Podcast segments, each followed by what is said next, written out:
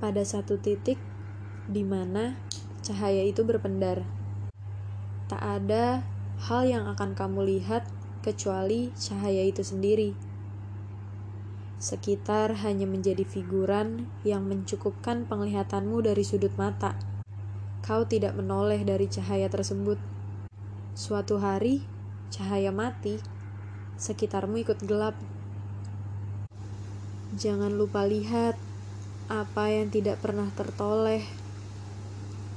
Si kecil itu lensanya masih baik, retinanya masih menerima cahaya.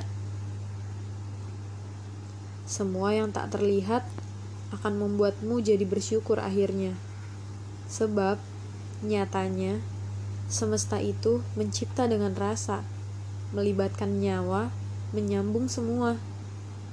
Jadi sebuah yang fana tapi indah adanya. Perlu disadari, sekecil kerikil yang melihat kita bergandeng bahagia pun tetap jadi saksi. Lupakan sebentar cahaya itu Lihat, semua yang ada terhubung secara kasat mata. Pada akhirnya, bola matamu pasti terpuaskan, dan batinmu teriak riuh atas segala yang sudah Tuhan ciptakan. Berterima kasih pada semesta, ucap syukur pada Sang Pencipta. Lanjutkan hidup dengan bahagia yang kekal di dalam jiwa.